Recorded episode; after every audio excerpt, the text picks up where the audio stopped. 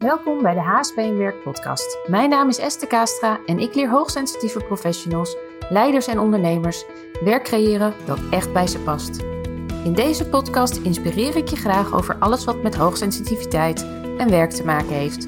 Voor meer zingeving, uitdaging en energie.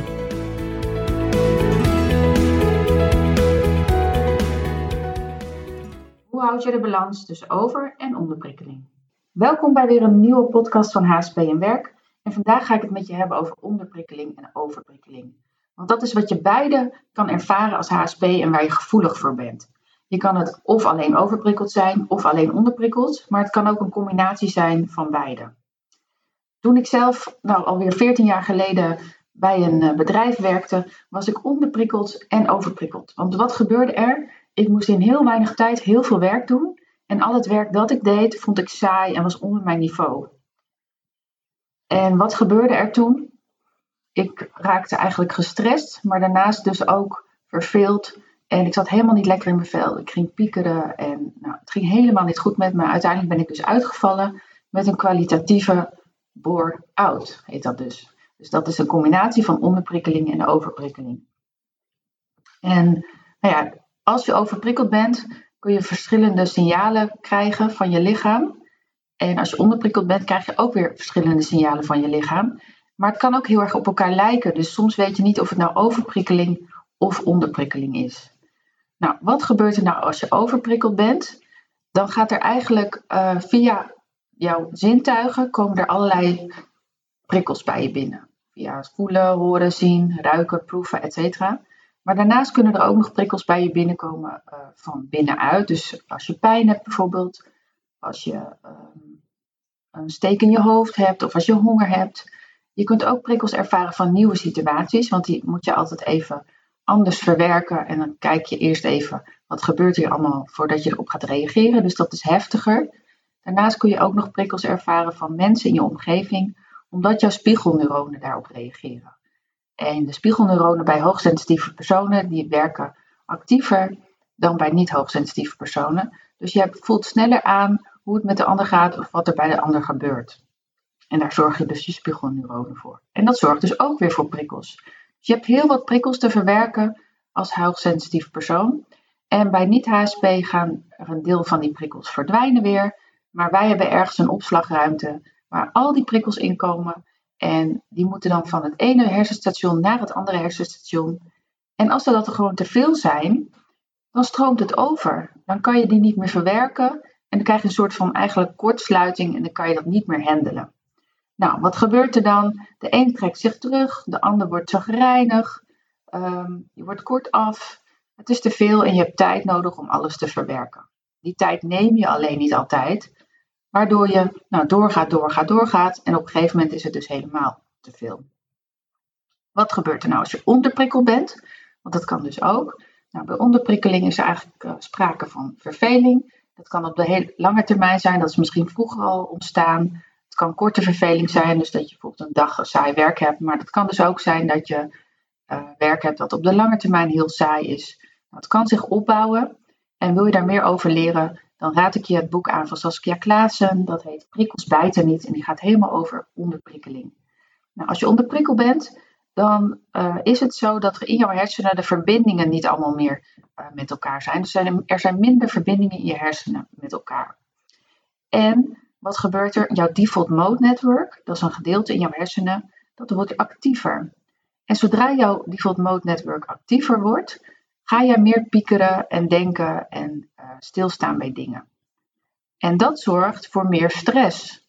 Omdat als jij meer gaat piekeren, krijg je negatieve emoties, wat zorgt weer voor meer prikkels. Dus krijg je weer stress en kan je dus ook weer stresssignalen krijgen, die jij misschien plaatst als overprikkeling, terwijl er misschien wel onderprikkeling aan de hand is. En daardoor vergissen heel veel hoogsensitieve mensen zich in onder- en overprikkeling. Uh, zeker 85% van de mensen die ik begeleid is eerder onderprikkeld, of een combinatie van overprikkeld ook, maar ook heel erg onderprikkeld. En dat hebben ze dan niet erkend. En als ze dat inzicht krijgen, nou, dan gaat er echt een wereld voor ze open. En nou ja, wat gebeurt er bij beide als je overprikkeld bent en of onderprikkeld? dan gaan jouw overlevingsmechanismen in werking. Je gaat of meer eten, je gaat uh, afleiding zoeken, je gaat heel veel dingen oppakken, gaat nog harder werken. Nou, iedereen is het anders natuurlijk, welk overlevingsmechanisme gaat werken. Maar misschien herken je dat wel voor jezelf. Belangrijker nog, wat doe je eraan? Hoe houd je het in balans? Want daar wil ik het natuurlijk uh, met je over hebben. En dan ga ik er een aantal uh, opnoemen. De eerste, voorkomen is beter dan genezen. Dus weet jij dat je overprikkeld raakt van een verjaardag en dat je nog boodschappen moet doen en dat je dan ook nog s'avonds voor mensen gaat koken. Nou, dan weet je dus al dat dat te veel is. Begin er dan ook niet aan. Ik zeg altijd, doe maximaal één activiteit per dag die intens is. En eigenlijk het liefst nog om de dag. En zorg ervoor dat je zoveel mogelijk hersteltijd hebt. Dus voorkomen is beter dan genezen. Het is ook heel belangrijk dat je dus precies weet wat is overprikkeling, wat is onderprikkeling en wat zijn de signalen daarvan. Een aantal signalen van overprikkeling zijn dat je een kort lontje hebt, onzeker kan zijn, lusteloos en moe bent, ongeduldig, je hebt negatieve gedachten, je bent vergeetachtig, verward. Uh, nou, je lijf gaat reageren. Zelf word ik duizelig, dan loop ik groot aan of begin ik te trillen. En het is heel belangrijk dat je weet van nou, wat zijn nou jouw signalen?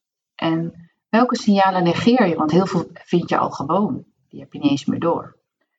Dus kijk eens goed van welk signaal sla ik over en wat kan ik doen uh, als ik al een signaal van overprikkeling krijg.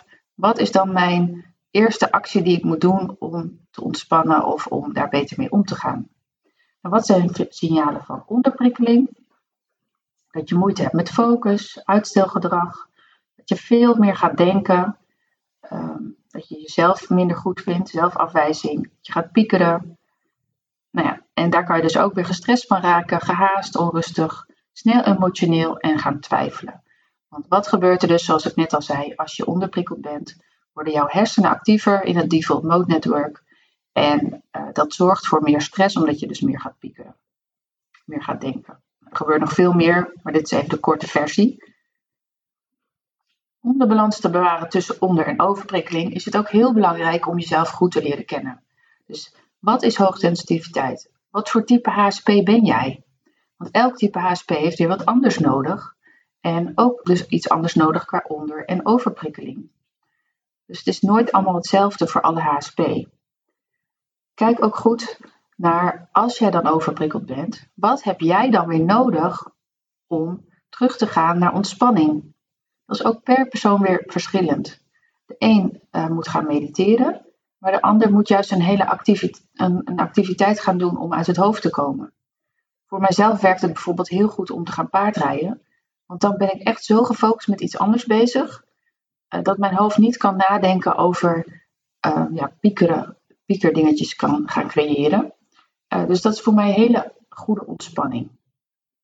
Dus kijk goed, wat is voor jou een manier om om te gaan met over- of onderprikkeling? Met onderprikkeling bijvoorbeeld, wat ik zelf merk is als ik onderprikkeld ben, dan ga ik me ineens opgeven voor allerlei online trainingen en cursussen, dat soort dingen. Terwijl ik beter kan kijken van oké, wat kan ik in mijn huidige werk doen om de verdieping op te zoeken? Wat is kwalitatief voor mij nu iets waar ik mee aan de slag kan? In plaats van het buiten mezelf te zoeken. En natuurlijk, ik hou van leren. Leergierigheid is een van mijn sterke punten. Dus die moet ik continu inzetten uh, en wakker houden om lekker in mijn vel te zitten, om die balans te houden. En dat is dus voor jou ook heel belangrijk. Leer jezelf kennen en weet wat jij nodig hebt. Waar liggen jouw talenten en hoe kun je die elke dag inzetten?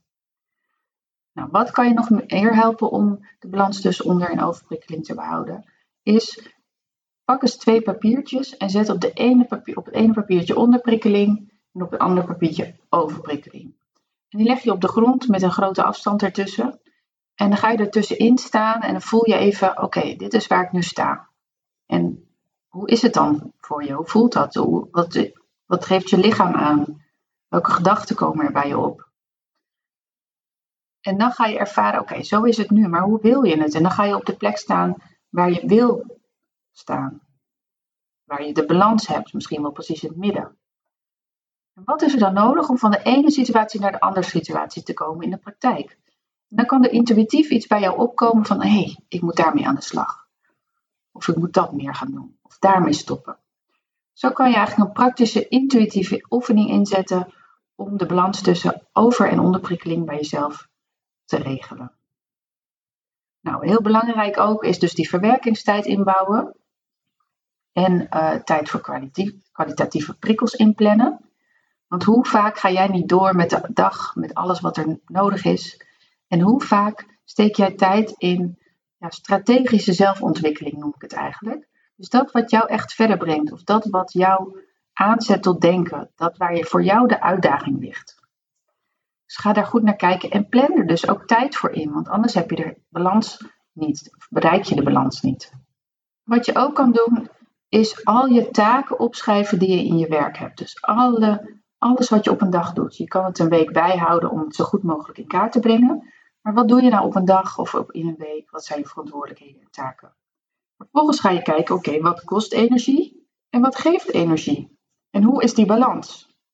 En wat kan je doen om die balans te optimaliseren? Nou, heel belangrijk om te weten, balans bestaat eigenlijk niet. Hè?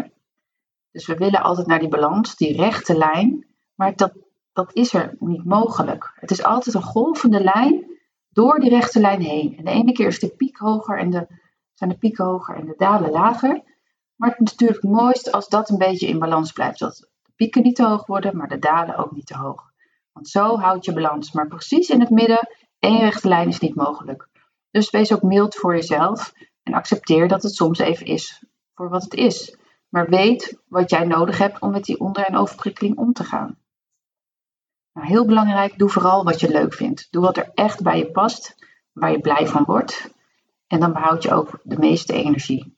En wil je nou meer leren over wat er bij jou past als HSP, wil je de stappen zetten om te ontdekken wat er echt bij je past, dan verwijs ik je graag naar het werkboek Ontdek wat je echt wil als hoogsensitieve professional.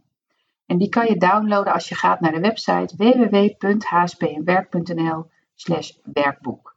Daar zie je hem erbij staan. Ook nog andere boeken die je kunt downloaden. Dankjewel voor het luisteren en een hele fijne dag.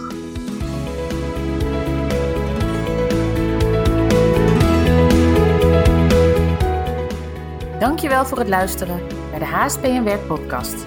Wil je direct praktisch aan de slag met jouw HSP en Werk? Download dan een van de werkboeken op www.hspnwerk.nl/werkboek.